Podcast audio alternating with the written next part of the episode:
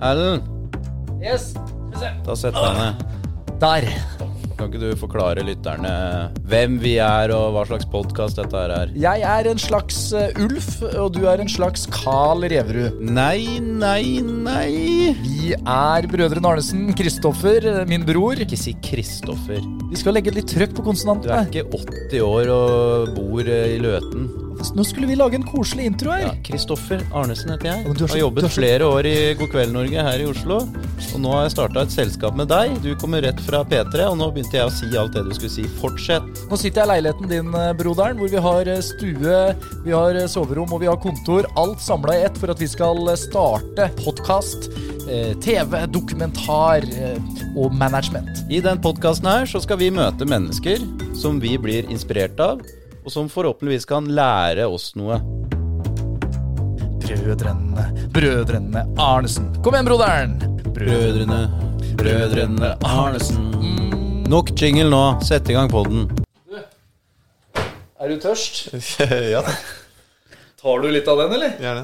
Ja, gjør du det? Ja, ja, gjerne. Det er for tidlig. Så lenge man kaller det Hamar.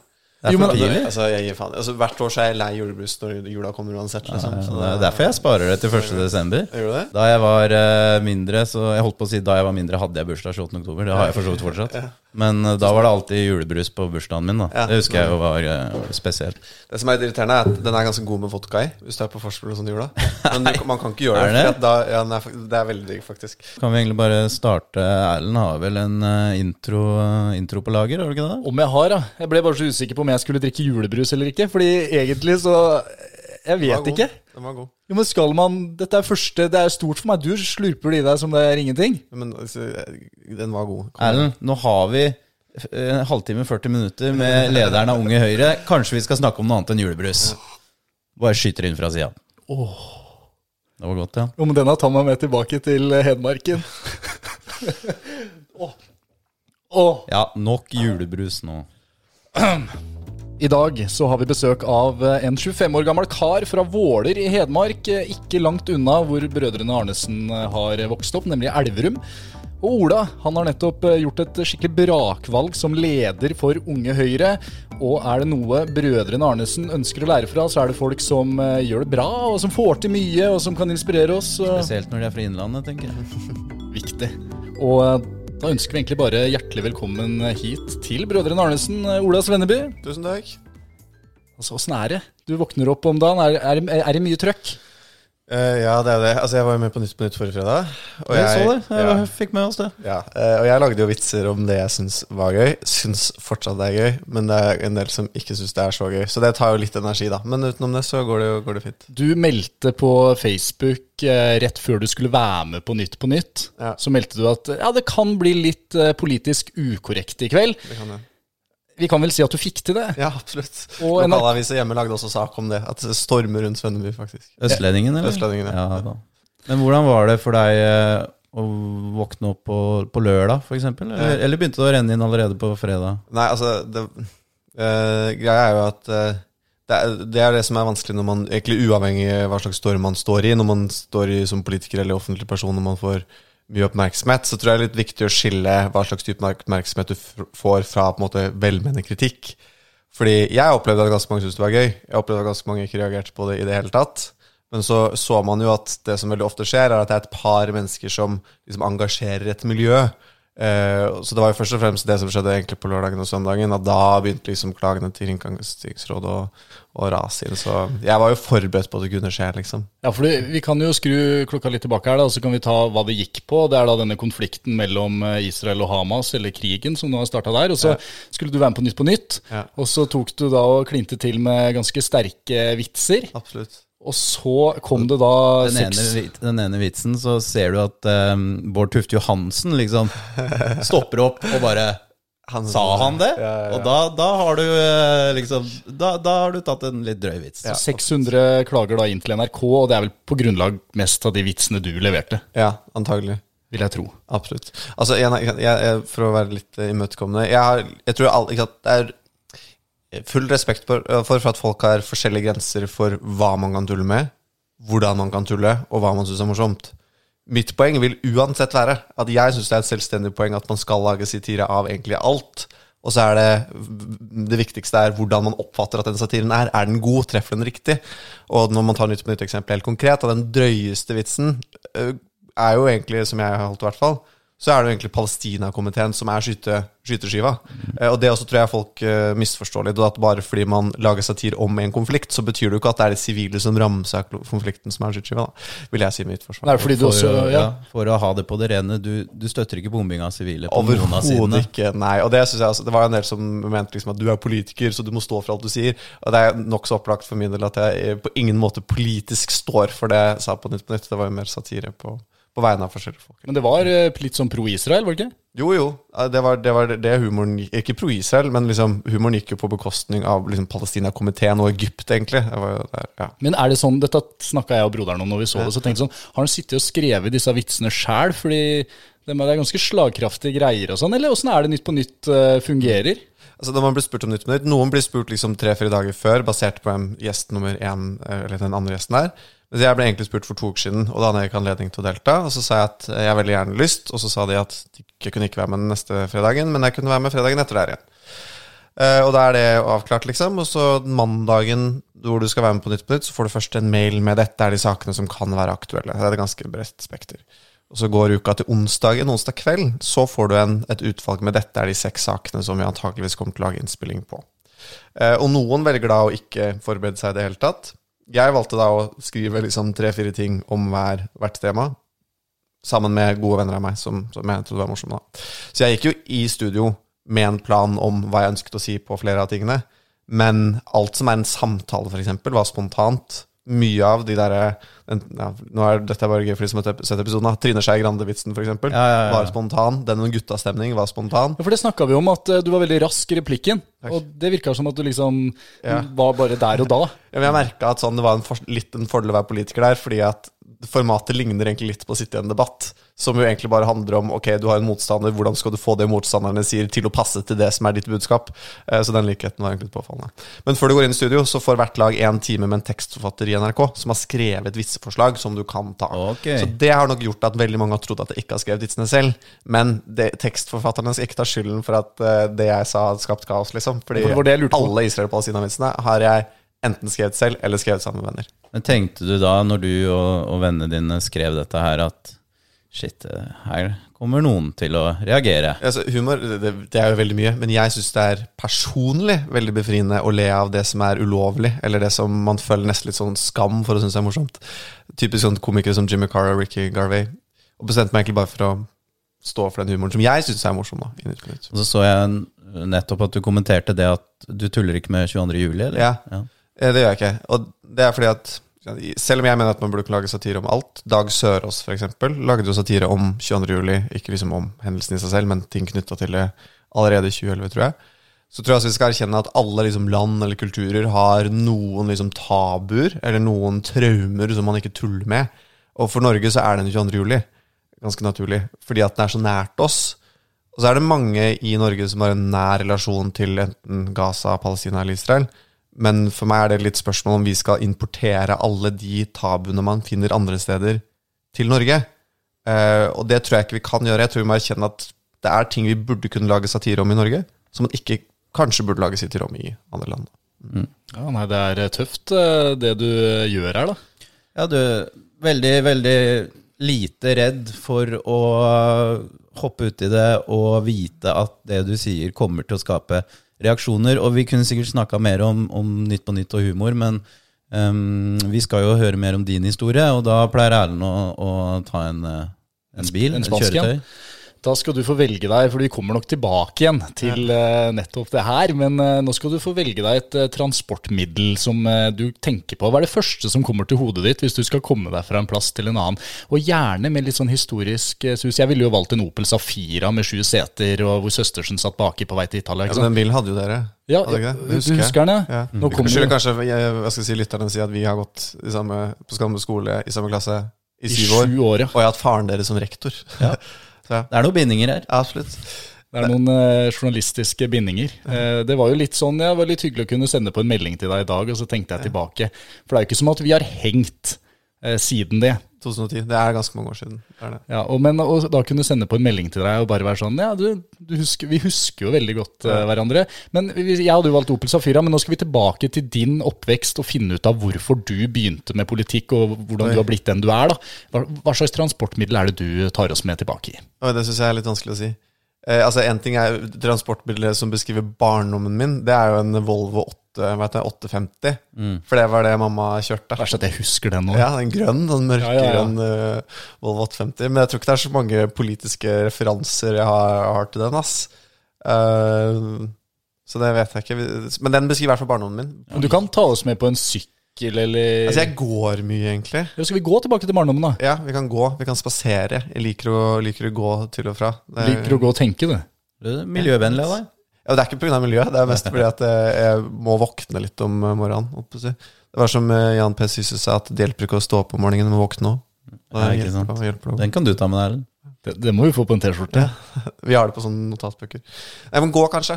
Ja, men Da går vi tilbake til barndommen. Og, eh, ta oss med da, eh, til det mest sånn avgjørende øyeblikket. Vi gikk jo på barneskole da på Søbakken eh, der. Eh, Shout-out til Søbakken. Nydelig skole. Fi, virka som at vi hadde sju fine år der eh, Ja. sammen på barneskolen. Men jeg så ikke deg som noen politiker den gangen. Nei. Når var det det begynte? Du er jo fra Solør, da, på, Ja. på en gård. Det er noe med bakgrunnen din. Og det at du er leder i Unge Høyre her nå som eh, Nesten så det skurrer litt òg. Ja, for mange, kanskje. Så La oss dra tilbake til gården, kanskje. Gården, kanskje. Ja, altså, jeg er jo fra Om noe, da, så det er, jeg tror ikke det er mulig å ha så mye mer konservativ oppvekst enn det jeg har gjennom tilknytning til gården. Jeg er jo niende generasjon uh, av samme familie som har bodd samme sted siden 1720, liksom. Uh, har jo odel, egentlig. Så det kan i hvert fall være med å forklare noe av det konservative. Liksom respekten for tradisjoner og sånt, for så vidt. Selv om jeg nok ikke skal bruke den odelen. Jeg har en lillebror som vil, vil ta over. Jeg har ingen foreldre som er politisk engasjert i form av at jeg er medlem av et parti. De hadde gått på partimøter. Men jeg er jo oppvokst både med en mor og en far som ser på Dagsnytt 18 og Dagsrevyen. Og jeg, så lenge jeg kunne huske liksom stilt spørsmål og syntes at det som rører seg i samfunnet, har vært eh, spennende. Og jeg var jo ganske nerd da jeg gikk på Søbakken, tror jeg. I hvert fall sånn jeg oppfatta meg sjæl. Du var litt nerd, var du ikke? jo, jeg, jeg var jo ganske rar. Han var, ja, nei, du var smart. Ja, det, jeg var jo ja, Jeg hang jo med, liksom. Men jeg var jo ikke sosialt smart. Så jeg tror liksom summen av intelligens var, var jo på en måte lik null, fordi du hadde noen topper og noen bunner. Gir Var ikke du sosialt smart? Jeg tror ikke det. Jeg følte meg ikke det, i hvert fall. Jeg var jo sånn, følte meg sånn sosialt keitete. Og litt sånn uh, utskudd, på, på et vis. Litt selvvalgt også. uh, men, men uh, ja. Så, så jeg følte meg liksom ikke Det var først egentlig senere at jeg fant liksom den roen eller tryggheten. På en måte. Um, ja. Nei, okay, samfunnsengasjerte foreldre. Begynte på ungdomsskolen. Da hadde jo jeg flytta til Hamar. Og så var det egentlig tilfeldig at jeg hadde lyst til å melde meg i et parti eller engasjere meg politisk på ungdomsskolen. Ja, Fordi du flytta til Hamar. Ja. Um, Ja. Sant? Så jeg gikk jo på ungdomsskolen på Hamar. Litt større by. Litt større by. Ja, men når man kommer fra Elverum, det, det, så var jo Hamar på en måte Ja. Det var jo vesentlig større. var liksom. eh, Solør og Elverum var for lite? Ja, det, det var ikke derfor da ja, mamma flytta, og da ble jeg med, på en måte. Um, og da hadde jeg lyst til å melde meg i et parti, og så var jeg litt usikker på hvilket. Og så hadde jeg en kompis som lurte på om jeg var med på et Unge Høyre-møte, og det ble jeg med på. Etter det så har jeg liksom ikke snudd meg tilbake, da. Jeg så på um, Nytt på Nytt så nevnte Bård Tufte i starten der at du hadde beskrevet deg sjøl Ja. som nærmest kommunist og palestinavenn. Ja, ja. Når, når eh, endra du retning der? Altså, jeg begynte jo Det er, altså, begrensa hvor, eh, hvor lang tid det var snakk om, altså. Men jeg begynte jo da i 8. klasse i 2010, og jeg var i en veldig samfunnsengasjert klasse. eh, Og en helt sykt dyktig lærer som liksom fikk med seg folk til å, allerede fra 8. klasse da, til å diskutere politikk og samfunn og alt det. Og da var vi liksom en gjeng på tre-fire som eh, var liksom veldig rød. Uten at vi hadde noe liksom partitilhørighet, så var det liksom en forståelse at man ja, liksom støtta Palestina. Den første organisasjonen jeg var medlem i, var Changemaker, som er ungdomsorganisasjon til er det Kirkens Nødhjelp, tror jeg? Eller noe sånt. Ja, eh, Men i løpet av eh, 9.-10. klasse, egentlig, så bare merka jeg at jeg var ikke enig med de som var medlem av AUF. Og da var det nokså meningsløst at jeg skulle Så rødt ble til blått. Hva sa du? Rødt ble til blått, rett og. Ja. Altså, ikke sant? Jeg var jo 8.-9. klasse. Det er jo begrenset hvor reflektert forhold jeg hadde til dette. Jeg tror Det er mye, det er mye tilfeldigheter, liksom. Dumpa ned i Unge Høyre, likte folka der, kulturen der, var enig i liksom, hovedlinjene og ble, ble værende. Når var det du begynte å bli veldig engasjert, da? Det kom jo ganske, gikk jo ganske slag i slaget der. Ble, dette var cirka i ja, Begynte å engasjere meg litt i 2012. Meldte meg i Unge Høyre i april 2013. Um, ble nestleder i Hamar Unge Høyre i 2013. Og så ble jeg fylkesleder av Hedmark i 2014. Og det var jeg i tre år. Og da var jeg på en måte fullt engasjert i Unge Høyre. Det var ikke betalt, det var jo bare hobbyen min, liksom. Men da var det primært det jeg brukte tid på. Sjekka sånn der vervliste Ja, over verv du har hatt. Ja. Det var, der måtte jeg bla. ja det har blitt en del. Det, blitt en Det var mye greier, og så ser du liksom hvordan du har jobba deg liksom sånn sakte, men sikkert opp da, til den rollen du har i dag. Ja. Jo, men det er jo litt sånn i politikken, da. Altså, jeg tror at alle de som, Hvis du melder deg i Unge Høyre med mål om å bli leder, så kommer du aldri til å bli det. Fordi at du, du bruker så mye tid av fritiden din eh, at det går utover ting. Sant? Det går utover studiene dine, det går utover skolen din. Og så må du være overbevist for egen del om at det er, investeringen er verdt det, da, for alt det du får, i, får igjen for det. Og det er naturlig at når du har vært lokallagsleder, så kanskje havner du i fylkesstyret, og så blir du fylkesleder, og etter hvert så havner jeg i sentralstyret også, som er liksom nasjonale ledelsen i Unge da. Så det har jo bare balla på seg. Altså Jeg har tenkt mange ganger at nå skal jeg gi meg, dette gidder jeg ikke mer. Men så er det et eller annet her da, som gjør at jeg syns det er gøy å bli værende. Men uh, det er jo svært få som blir leder. Det er jo bare én leder. Hva, hva er det som du syns er um, attraktivt da, ved, å, ved Ja. å lede? Altså, det er ikke liksom Jeg tror ikke de rundt meg opp Altså, det er liksom ikke det, det er ikke den formen for ledelse som folk som går på BI, tenker på som ledelse. Jeg ser på som attraktiv, hvis du skjønner hva jeg mener. Som er veldig sånn sentrert sånn Hvordan skal du få det beste av de, ut av de rundt deg? Hvordan skal du liksom være en god leder med tanke på liksom arbeidsmiljøloven og sånn? Um, for min del så handler jo den ledelsesrollen jeg har, først og fremst som, om å være en helt sjukt bra plattform til å kunne påvirke samfunnet, egentlig. Og til å kunne bruke det samfunnsengasjementet som jeg har, til noe helt sånn veldig konkret. Samtidig som jeg har et lag rundt meg og leder et sentralstyre. Det er jo kanskje det som, som gir den motivasjonen. Jeg er ikke blant dem. Du har jo liksom noen som har liksom, hva har du lyst til å bli, bli av yrke, og så svarer de nei, leder. Den, det har ikke jeg som ambisjon. Jeg har lyst til å ha den plattformen hvor jeg kan jobbe med det jeg syns er gøy. da. Jeg tenkte på en ting, bare for å ta deg litt tilbake til barneskolen også. Altså, du, nå har du kjæreste, ikke sant? Ja, Samboer. Ja, og, og det er en gutt. Ja, og på barneskolen jeg, jeg fikk ikke noe informasjon om at du likte gutter. Nå høres det ut som at jeg er litt eh, bitter for det.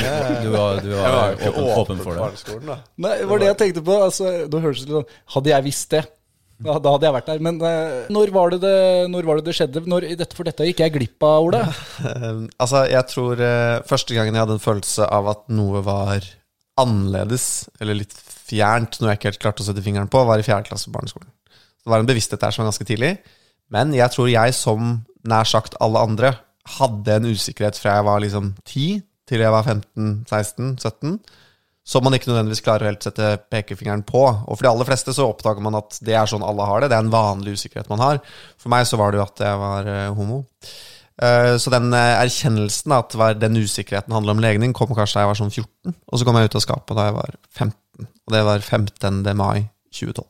Ja, Du husker det som en merkedag? Det var tre dager etter jeg ble konfirmert. Så det var liksom ble jeg veldig voksen den uka, liksom. Wow, da skjedde det mye. Ja, absolutt. Gjorde det. Mulig jeg er uh, veldig sånn stereotypisk her nå, men Ja, eh, Kjør på. å komme fra Våler, er det, Ja. er det litt vanskeligere å komme ut av skapet når du kommer fra en bygd? På en måte kanskje ja. Um, altså jeg tror ikke ikke Jeg har noen kjipe opplevelser av ting jeg kan huske at folk sa på barneskolen eller ungdomsskolen og sånn. Men det tror jeg i veldig liten grad handler om homofobi. Det tror jeg først og fremst handler om den usikkerheten. Og at det er ganske vanlig å bli liksom Det er ikke, det er ikke, det er ikke homofobi som ligger bak, da. Det er, det er egen usikkerhet, liksom. Men det som kanskje er mest krevende, tror jeg er den mangelen på forbilder og mangelen på øh, folk å se opp til. Sånn Da vi gikk på Søbakken, da, homofile menn, hvem var det vi visste om? Jan Thomas, liksom. Han var den eneste. Og all ære til han, liksom. Alle mødrene digga jo han. Men, men det var ikke noen Elton John. Elton John, ja sant. Du, du identifiserer deg liksom som 13-åring ikke med en mann på 40 Liksom. Så det var kanskje det, det rareste. Etter hvert da jeg flyttet til Oslo Så oppdaget jeg nok også at um, Forventningene til kjønnsroller Faktisk er litt forskjellige i Elverum og Hamar Enn de var i Oslo. Fordi det var veldig mange færre som instinktivt Skjønte at jeg var homo i Oslo Enn det var på Hamar. Altså at liksom aksepten for mer feminine menn da, var liksom, eller man var mer vant til det, vant til det i Oslo enn man var i bygda. Ja, så det var egentlig greit for deg. Du, du søkte jo hele veien her mot eh, det å jobbe deg oppover i politikken. Du kom til Hamar, ikke sant? Jobba opp, og så videre til Oslo. Så det, hele Ja. tida så har du på en måte ekspandert litt. Absolutt. Det er sånn det har vært hele veien. Ja, ja jeg, har, sånn, eller har fortsatt en sånn uro. Jeg føler meg aldri, jeg tror jeg aldri kommer til, det er en erkjennelse i seg selv, jeg tror aldri livet kommer til å sette meg og tenke at sånn, nå er jeg tilfreds. Så fort jeg er liksom ferdig med noe, så ønsker jeg liksom noe nytt hele tiden. Så er jeg alltid sånn indre, jag der etter noe. Som på ett vis er slitsomt, eh, men som også forhåpentligvis da kan lede til noen positive ting også. Jeg kan kjenne meg igjen i det. da. Ja. Det å liksom ha den uroen om at du aldri blir fornøyd. Og det, det er jo som du sier, da. Det kan jo være litt slitsomt. Sånn som allerede nå så har jo du fått til veldig mye. Jo, eh, jo takk. Ja. Jo, det er hyggelig. Men, men du må liksom stoppe opp og bare Ja. ta det inn noen ganger. Ja, og jeg er ufattelig privilegert. Eh, Det er jeg. Altså, det er helt uh, sinnssykt, egentlig, hva slags muligheter lederen av Ungdomspartiet Norge får.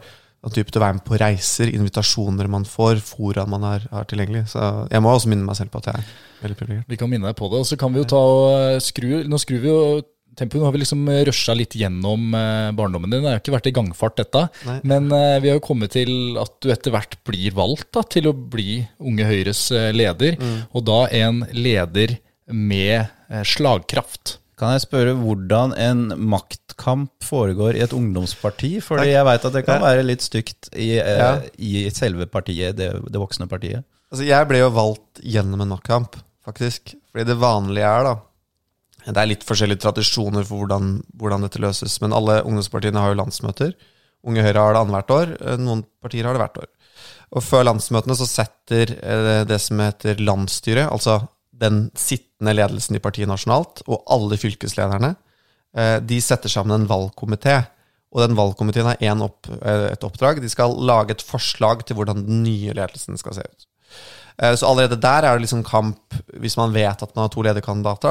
Ok, Hvem er det som har flertall for å få inn hvilke folk i valgkomiteen? Eh, og den valgkomiteen de setter seg ned og jobber. De har intervjuer, de kan ha intervjurunder, de kan gi oppgaver. Og så setter de sammen dette er den ledelsen som de mener er, er best egnet. Og i 2020, da jeg ble valgt, så var jo ikke jeg innstilt. Det var en annen kandidat som valgkomiteen hadde ment at var mer kvalifisert enn meg. Ok. Og da innstillingen kommer, så må man bestemme seg. Skal jeg stille som kandidat, eller skal jeg trekke meg og la den andre bli valgt? Og jeg mente da at det var en sjanse for at jeg kunne ha flertall, og valgte derfor å stille det det kalles å stille et benkeforslag. Så da landsmøtet kom, ikke sant? det er delegater fra hele landet, fra liksom Oslo og Hedmark, øhm, alle fylker basert på medlemstall. Øhm, vi er ca. 300 på landsmøtene våre i Høyre. Så er det jo om å gjøre da hvem får flest mennesker til å stemme på seg, rett og slett. Nei. Og det er egentlig maktkampen. Og det er jo litt spesielt i en organisasjon som Unge Høyre, fordi at sant, de som sitter i salen, er 16, 17, 18, 19, opp til 25 ca. så det må man være litt var på, da, om ikke annet. Hva lovte du bort, da? Jeg lovte, jeg lovte, altså, du går, det, det som er spesielt i et ungdomsparti, er at du går egentlig til valg på deg sjæl. At du mener at du er den beste kandidaten for organisasjonen. Så det er noe liksom grunnleggende selvisk ved det, og det er ganske spesielt. Og hun, hun som eh, jeg til slutt vant mot, da, hun var jo fra Agder. Det første fylkeslaget som sendte meg en invitasjon om å komme på besøk, var jo Agder Unge Høyre. Eh, Så vi klarte ganske fort å liksom gjøre oss til én organisasjon igjen og stå samla. Man har jo hatt eksempler i andre organisasjoner eh, hvor en sånn splittelse har ført til liksom en varig splid i partiet. At liksom de fylkene er på det laget, og det fylk, de fylkene er på det andre laget. Og sånn var det heldigvis ikke Litt sånn som man ser eh, i Arbeiderpartiet med Giske oppe i Trøndelag, Ja, og Ja. splittelse der. I AUF så hadde jo en, eh, en, et benkeforslag mellom to ledere i 2010, hvor det var én som vant med to stemmer. Og det gjorde at egentlig, eh, både før det og egentlig fram et år etterpå, fram til 22. juli, så var det på en måte en sånn oppdragelse i fylket at de fylkeslagene er med det laget, og de fylkeslagene er med det laget. Og det er ikke veldig produktivt. Benkeforslag? Det, det er noe jeg ikke har hørt om. Ja, det, det er, det noen drastiske greier. Ja, Men, men hva var det du slo i bordet med? Hvorfor var det du ble leder? Altså, du, Det virker jo som nå at du virkelig bare sier det du føler. Og Det var jo litt det jeg gikk på valg, til valg på òg, da. At jeg mente at uh, unger Eller jeg mente at jeg var en kandidat som eh, ikke er så opptatt av hva folk mener om det jeg sier, egentlig. Så det var jo en del av liksom, det jeg gikk til valg på, rett og slett. Det. Og det, det har funka, men da er vi i 2020, da du 2020, ble valgt? mm. Rett før eller rett etter koronaen? Den, vi rakk å ha landsmøte det ene liksom Da det var åpning fra sånn juli til oktober. Så det var Ja. i eh, 2. oktober i 2020. Ok, ok. Så um, vanskelig periode for deg og Høyre og egentlig alle politikere da, å, Ja. å, å bli valgt uh, som leder inn i Det var det. Da jeg så deg på Nytt på Nytt, du var veldig god til å levere setningene. Så tenkte jeg sånn, hvordan i pokker er det du husker Man kan være enig eller uenig om det er god humor eller ikke, men du leverte det i hvert fall eh, Takk. veldig godt. Ja, Den leveransen her, har du øvd eh, mye, eller er, kommer det naturlig? Etter hvert så kommer det litt, nok litt uh, naturlig. Jeg har jo aldri vært redd for å snakke liksom, om fag, på en måte, på skolen og sånn. Men når man deltar i debatter, du blir jo bedre av det. Hvert fall hvis du analyserer deg selv og tenker sånn hva, hva skal man gjøre eh, bedre? Og det er jo egentlig litt en form for skuespill. Da Einar Gerhardsen på hva er det, 50-tallet holdt tale til fagforeningene for skuespillerne på Nationaltheatret, så åpnet han talen med å si 'kjære kolleger'. Så det er, jo, det er jo litt skuespill at man lærer seg hvordan man først og fremst skal levere en vits eller et, et, et argument på best mulig måte. da. Jeg tenkte på det sånn opp igjennom da med skoledebatter. Jeg tror Var du på Stange Ja, jeg var det et år. Der gikk jeg, da, vet du. I 2015. antakelig. Ja. Ja, ja, stemmer det. Og der var du. Ja. Jeg husker det.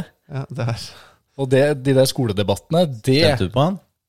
Nei, nei, det tror jeg ikke. Du er litt ute på Det er ikke så mange, ja, det er ikke så mange denne kultur, tror- musikkdans og drama. Tenk deg vi vanskelig, vanskelig skole, da. Ja, det det. Men, men eh, jeg likte jo veldig godt at du var der, og at, uh, hvordan han slo i bordet og hele pakka. Ja, Men, ja, ja. men bare raskt litt på det der med skoledebatter. Altså, Det er noe rør, eller? Ja, Det er herregud, sirkus! Det er ganske intenst. Ja, jo, det er helt intenst. Det har faktisk, men det verste er at det har blitt helt liksom, veldig mye sakligere enn det var. Virkelig. For hvert eneste år fra 2013 så har det blitt mer og mer saklig, liksom. Så man kan jo bare se for seg hvordan det, hvordan det var før. Skoledebatter på sitt beste er ganske bra, for da sitter jo folk i salen som tenker sånn Faen, jeg visste ikke at politikk var spennende, dette var gøy likevel. På sitt verste så er det jo uh, helt uh, ubrukelig, egentlig. Og jeg tror folk i salen sitter og bare tenker hva i alle dager slags husker du er noe- dette, liksom. Det beste var da Martin Skanke ble kalt inn på uh, skoledebatt der. Det, sånn er det ikke lenger, heldigvis. Hadde du Jeg ble på det? fortalt at jeg skulle komme og prate for unge mennesker. Det er veldig gøy. Ble lurt av ditt eget parti, du, da. Nå var du Nå smart. var du smart. Nå var du veldig smart. Eh, Men, men Ola, du er leder for Unge Høyre her, og så det, du, du liksom trer jo virkelig inn i offentligheten i sommer, Ja. rundt, sommer, eh, rundt sommeren der, når du tar til orde for innvandringsstopp i Norge. Ja. Um, hva, hva var det som var planen med på en måte å gå ut med det? For det jo, du hadde ikke støtte i eget parti. Nei, nei. Dette er dine egne meninger. Du slår hardt i bordet, og du får masse oppmerksomhet. Ja. Hva, hva tenkte du? Altså, det er ikke alltid man har en plan, for helt ærlig. Uh, og, Er det så enkelt, da? ja, noen ganger så er det så sant? Ofte så hører man liksom politiske kommentatorer eller statsvitere sitter og analyserer sånn, hva har politikere tenkt her. Av og til så sitter man i en rom, et rom, og så er det en som sier 'hadde ikke det vært en god idé'? Så tenker man jo, det er det, og så gjør man det, liksom. Uh, men jeg har jo gått og tenkt lenge på hva jeg mener om innvandringspolitikk. Det har jo vært en av, egentlig en av de sakene som engasjerer meg over snittet, liksom. Og så ble det jo i starten av sommeren mye fokus på en håndhilsingsdebatt, litt sånn kulturdebatt. Ja, den blowa opp da det var noen eh, på en skole, på en skole i Furuset. I Oslo øst, i hvert fall. Ja, hvor de ikke ville hilse på en kvinnelig Ja. rektor. Og så kjenner man ikke motivasjonen til han gutten. Sånn, Det er en 15 år gammel gutt kan ha mange år sagt at han ikke vil hilse på en lærer. Eh, men det bidro til å liksom få i gang en del sånn kulturdebatter som ikke konkret, men som i liksom et større bilde handler om innvandring. da Eller svenske tilstander eller manglende integrering. eller hva som helst Eh, Og da eh, satt jeg og vurderte skal jeg si noe eller skal jeg ikke si noe. Og så deltok jeg i en diskusjon på en Facebook-tråd. Og så var det en journalist som fikk med seg det, som ringte. Og da tenkte jeg bare ok, da får vi bare kjøre på. Og så hadde jeg en times intervju med henne, som ble liksom klippa ned til liksom én eller to av fire. Ikke sant? Og det er masse nyanser jeg ikke fikk med, og så er det ordbruk man kan kritisere, eller noe sånt, men, men det er liksom en del av spillet. da. Men det var, altså jeg må si, det var eh, Det er ikke det utspillet jeg har hatt som har fått mest eh, hatt, og mest kritikk, faktisk. da. Ja, hva er det, ja? Det er Greta Thunberg-sitatet. Ja. Jeg tenkte vi skulle komme til det. Ja. Fordi nå, nå først da, så har du jo begynt å stikke deg ut, som eh, broderen eh, nevner her. Ja. Visste du at nå kom det til å så Var det et valg du tok om at nå har du lyst til å komme litt fram og bare si det du mener? Nei. Det var bare tilfeldig at du tok den telefonen, prata en time med en journalist, og så wow. Ja, det var egentlig litt tilfeldig, altså. Og så ble det et opplag, og så sto jeg i debatten, på en måte. Um, og så, altså Jeg mener jo alt jeg sa, jeg står for alt jeg sa. Har du lyst til å prøve på en måte forklare litt, fordi det er veldig mange som kun leser overskrifter, og er veldig sånn hardt å Ja, ja. si at vi skal ikke ha, ta imot innvandrere Ja. i Norge. Er det, er det det du mener, eller er det noen nyanser her? Det er, det er ganske store nyanser, og så er det eh, For meg handler det egentlig om to eh, forhold, eller to liksom store eh, hovedargumenter. Det ene er på en måte det internasjonale, som handler om hvordan ukontrollert innvandring til Europa skaper ekstremt mye ustabilitet.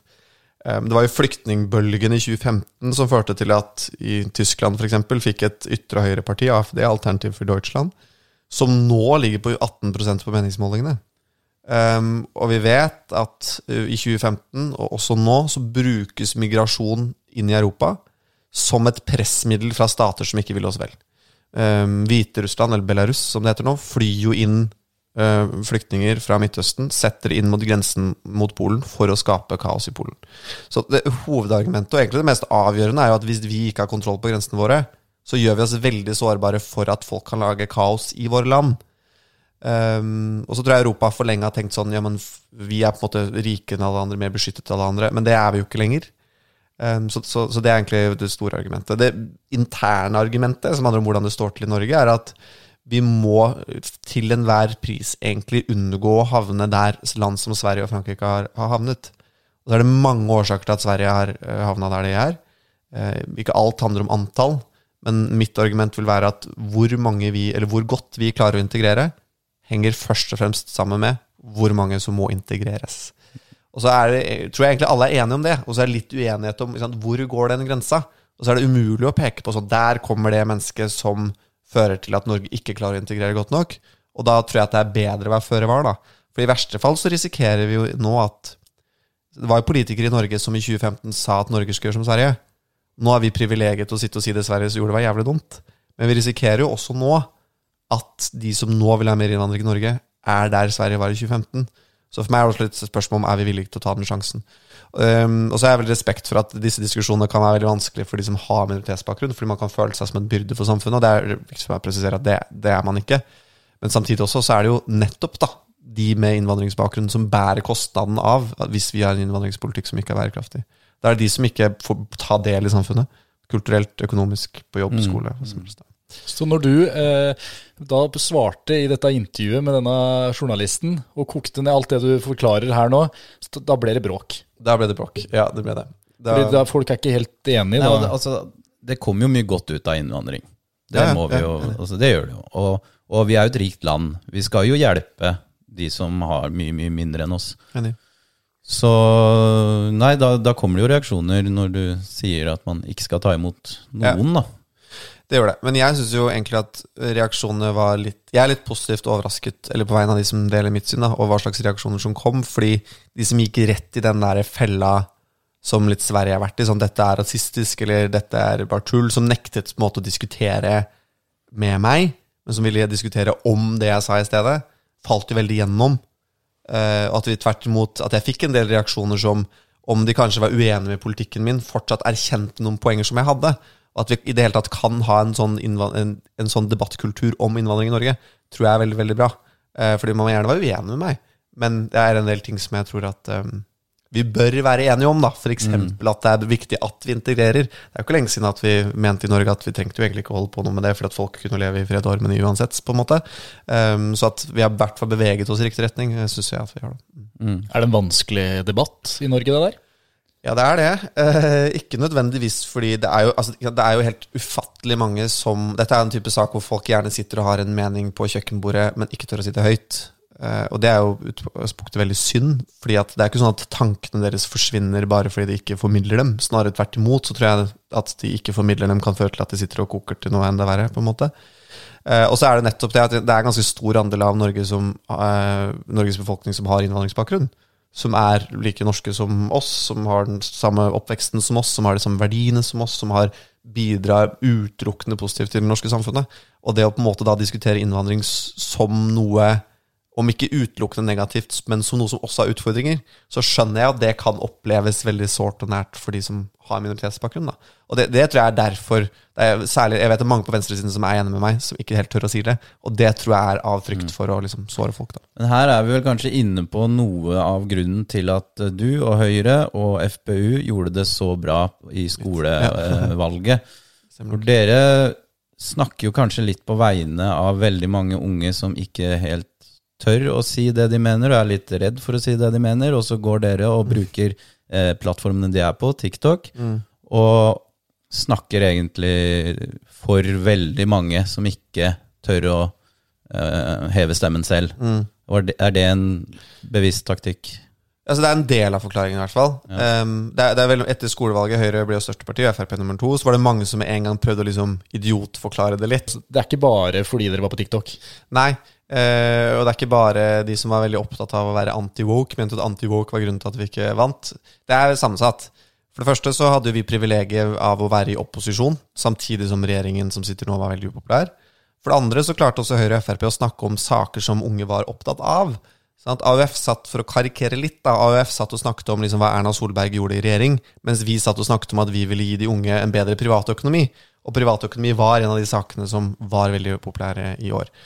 Eh, men så er det også riktig at nok Høyre og Frp har plukket opp at det har vært et slags verdiskifte blant de unge, eh, der de før var opptatt av å være litt sånn, kall det gjerne woke, det er et litt forslitt og dårlig uttrykk, fordi nå først og fremst, særlig mange gutter f.eks., er opptatt av at de opplever at de ikke kan si det de mener. At de opplever at diskusjonen om kjønn, f.eks. Jeg får spørsmål om det av alle gutter på 15 på skoler her. Er faktisk liksom avgjørende for dem, da, for hva de stemmer. Hva spør dem da? Hva mener du? Hvor mange kjønn mener du at det finnes? Ja. Sant? Jeg var, holdt et foredrag på, for en tiende klasse i Oslo. Eh, Da var det to, eh, De var delt i to, så jeg hadde holdt foredraget to ganger. Så var det spørsmål på slutten. Begge gangene så ble spørsmålet 'Hvor mange kjønn finnes det?' stilt. Eh, og det er jo et tegn på at det har vært et slags verdiskifte der, da. Som det er det åpenbart noen bekymringsmomenter, liksom. Men det diskuterte ikke vi da vi gikk på Søbakken skole. Definitivt ikke. Eh, definitivt ikke. Sant? Så, men i hvert fall den, de strømningene der klarte nok Høyre og Frp å treffe litt. Hva svarer du dem, da? Mange kjønn det finnes? Ja. Eh, altså, det jeg prøver å sant? Eh, Tungt spørsmål å få. det spørs hva formålet ved spørsmålet er. Sant? Eh, hvis du synes at det finnes to kjønn, så er det lov å mene, og det er det jeg personlig mener. Samtidig som vi skal ha respekt for at det er mennesker som av forskjellige årsaker ikke passer inn i det de føler er samfunnets normer, kjønnsnormer, hva som helst. Eh, og at de får mye hat, de får mye trusler, og at samfunnet vårt må gi de rom til å kunne leve det livet de ønsker. Eh, og så kan du få mene at det finnes antall kjønn som du selv ønsker. da. Så jeg hadde en ganske pragmatisk holdning til det. tror jeg. Men jeg syns bare sånn at når jeg hører på deg prate, så er det veldig sånn Hvis du mener at det er to kjønn, så er det greit å mene. Ja. Men man må også forstå det andre. Jeg føler, og jeg vet ikke om du er enig med meg der, men at på venstresida så er det veldig mye sånn en, Altså, du får ikke lov til å si Ja. at det bare er to kjønn, og det tror jeg jo mange Ja. unge også har følt på, da, siden de har Ja. sett mot dere. Men at det er veldig mye sånn Nei, nei, vi kan ikke, vi kan ikke mene det. Det er ikke, Ja. lov, det er ikke greit å mene. Vi må kun liksom tenke på de, den parten. Jeg tror, jeg, tror eh, altså jeg, jeg har aldri vært på venstresida, men jeg tror hovedproblemet til venstresiden er nettopp som du sier, at det er en oppfatning som veldig mange har. Og det er et problem for dem. De kan snakke så mye de vil om hvor høy takhøyde de har. De kan snakke så mye de vil om hvor liberale de er, hvor mye ytringsfriheten de har. Men at folk har den oppfatningen som du har, som er akkurat den samme oppfatningen som veldig mange i skolevalget hadde, er et problem for dem i seg selv. Da. Og det har jo egentlig, Tradisjonelt sett så har det vært stikk motsatt. Det har vært venstresiden som har vært liksom frie røykere og fri sex og skilsmisse og alt sånn, men høyresiden har vært mer sånn konservativ kjernefamilie. sant? Nå er det litt snudd på, på en måte. At det er høyresiden som oppfattes som opposisjon, nesten. da. Det er vi som utfordrer de normene om hva man kan stille spørsmål om, hvordan man kan snakke om ting, og hva man kan snakke om. Så jeg, jeg er enig i at eh, Jeg tror ikke nødvendigvis det er sånn på venstresiden, men den bekymringen du har, er liksom forklaringen på hvorfor det er som det er, da. Kan vi ikke, kan vi ikke ha flere kjønn, da? Hvor lenge har vi deg nå, Ola? Jeg tror jeg må løpe nå, egentlig. Ja. Kan jeg bare Kan, kan vi ikke ha flere kjønn? Jo, jo, men altså, herregud, gjør hva du vil, Det er, liksom. liksom, Lev er det en biologisk debatt, eller er det en følelsesmessig Men, debatt? men ah, du slår i bordet. Eh, Med Greta Thunberg-generasjonen er død, og Greta Thunberg hun sa i en video nå, den den filma utafor med tanke på den eh, Fosen-saken, ja. Hun var, kom til eh, Norge nå for å delta, og så får hun spørsmål om deg. Ja, det var Også- veldig gøy. Og så ler hun. Jeg er enig. Men det var jo så bra. ikke sant? Hun, det var jo så mange på Twitter ble jo rasende. De mente at jeg leflet med ytre og høyre og sånt. Og så spurte eh, Greta Thunberg selv. Hun syntes det var gøy. Hun lo. Så, Men det ble mye bråk, eller? Altså bare, gi oss bare en rask sånn derre altså, Åssen var det der? Innvandringsdebatten var ingenting sammenligna med Greta Thunberg. liksom Greta Thunberg var mye verre. Og jeg hadde selv ikke i dag, med det jeg vet nå, i min, liksom villeste fantasi, eh, sett for meg hvor mye bråk det skulle bli. Det var Fra Greta Thunberg-saken kom, til Erna Solberg-saken kom, så ble jeg hver eneste dag stoppa på gata av randos, liksom. Og det, det var støtte, liksom, eh, og folk som ville gi meg komplimenter. Men likevel, det bare at jeg følte at da gikk jeg fra liksom Y-kjendis og opp til liksom F-kjendis, på en måte. Til Nytt på nytt. Ja, til Nytt på Nytt. Eh, Så. Så det Men nå må jeg faktisk Ja, men du, du skal løpe. Kommer du til å bli statsminister? Nei, det tror jeg ikke. Nei! Jeg sier for mye dumt. Ja, men eh, det er mange som liker eh, den Har ikke Sylvi- frimodigheten. Sylvi Listhaug ble da vel partileder. Hun har vel bomma litt, eller? Nei, men altså, ikke sant? Spørsmålet er vil du være godt likt av 60 eh, og at 40 er likegyldig til deg, eller vil at 30% skal elske deg og 70% hate deg? Det er jo et dilemma mange politikere står i, tror jeg. Ok, ja, men Da tar vi med oss det. Da er det ikke den kommende statsministeren som sitter her, eller? Ja, vi får se. Vi får se. Det var veldig hyggelig at du tok turen. Nå skal du løpe. Vi må, du må ta bilde av den. Ja, Tusen takk for at du kom, Ola Svenneby, og lykke til videre med politikerkarrieren. Takk for invitasjonen. Takk. Elverum. Heia Innlandet. Hvor skal jeg avbildes? Vi må ta bilde raskt. Men så konge, den samtalen her, den var bra. Brødrene, brødrene Arnesen. Kom igjen, broderen! Brødrene, brødrene Arnesen. Takk for at du hørte på Brødrene Arnesen i dag, laget av eh, produksjonsselskapet Brødrene Arnesen. Og håper du blir med og følger oss på sosiale medier, på TikTok og Instagram og YouTube og hele pakka. Der kan du forresten ta og se hele episoden i sin helhet. Så takk, takk, takk, og så håper jeg vi høres eh, i neste episode.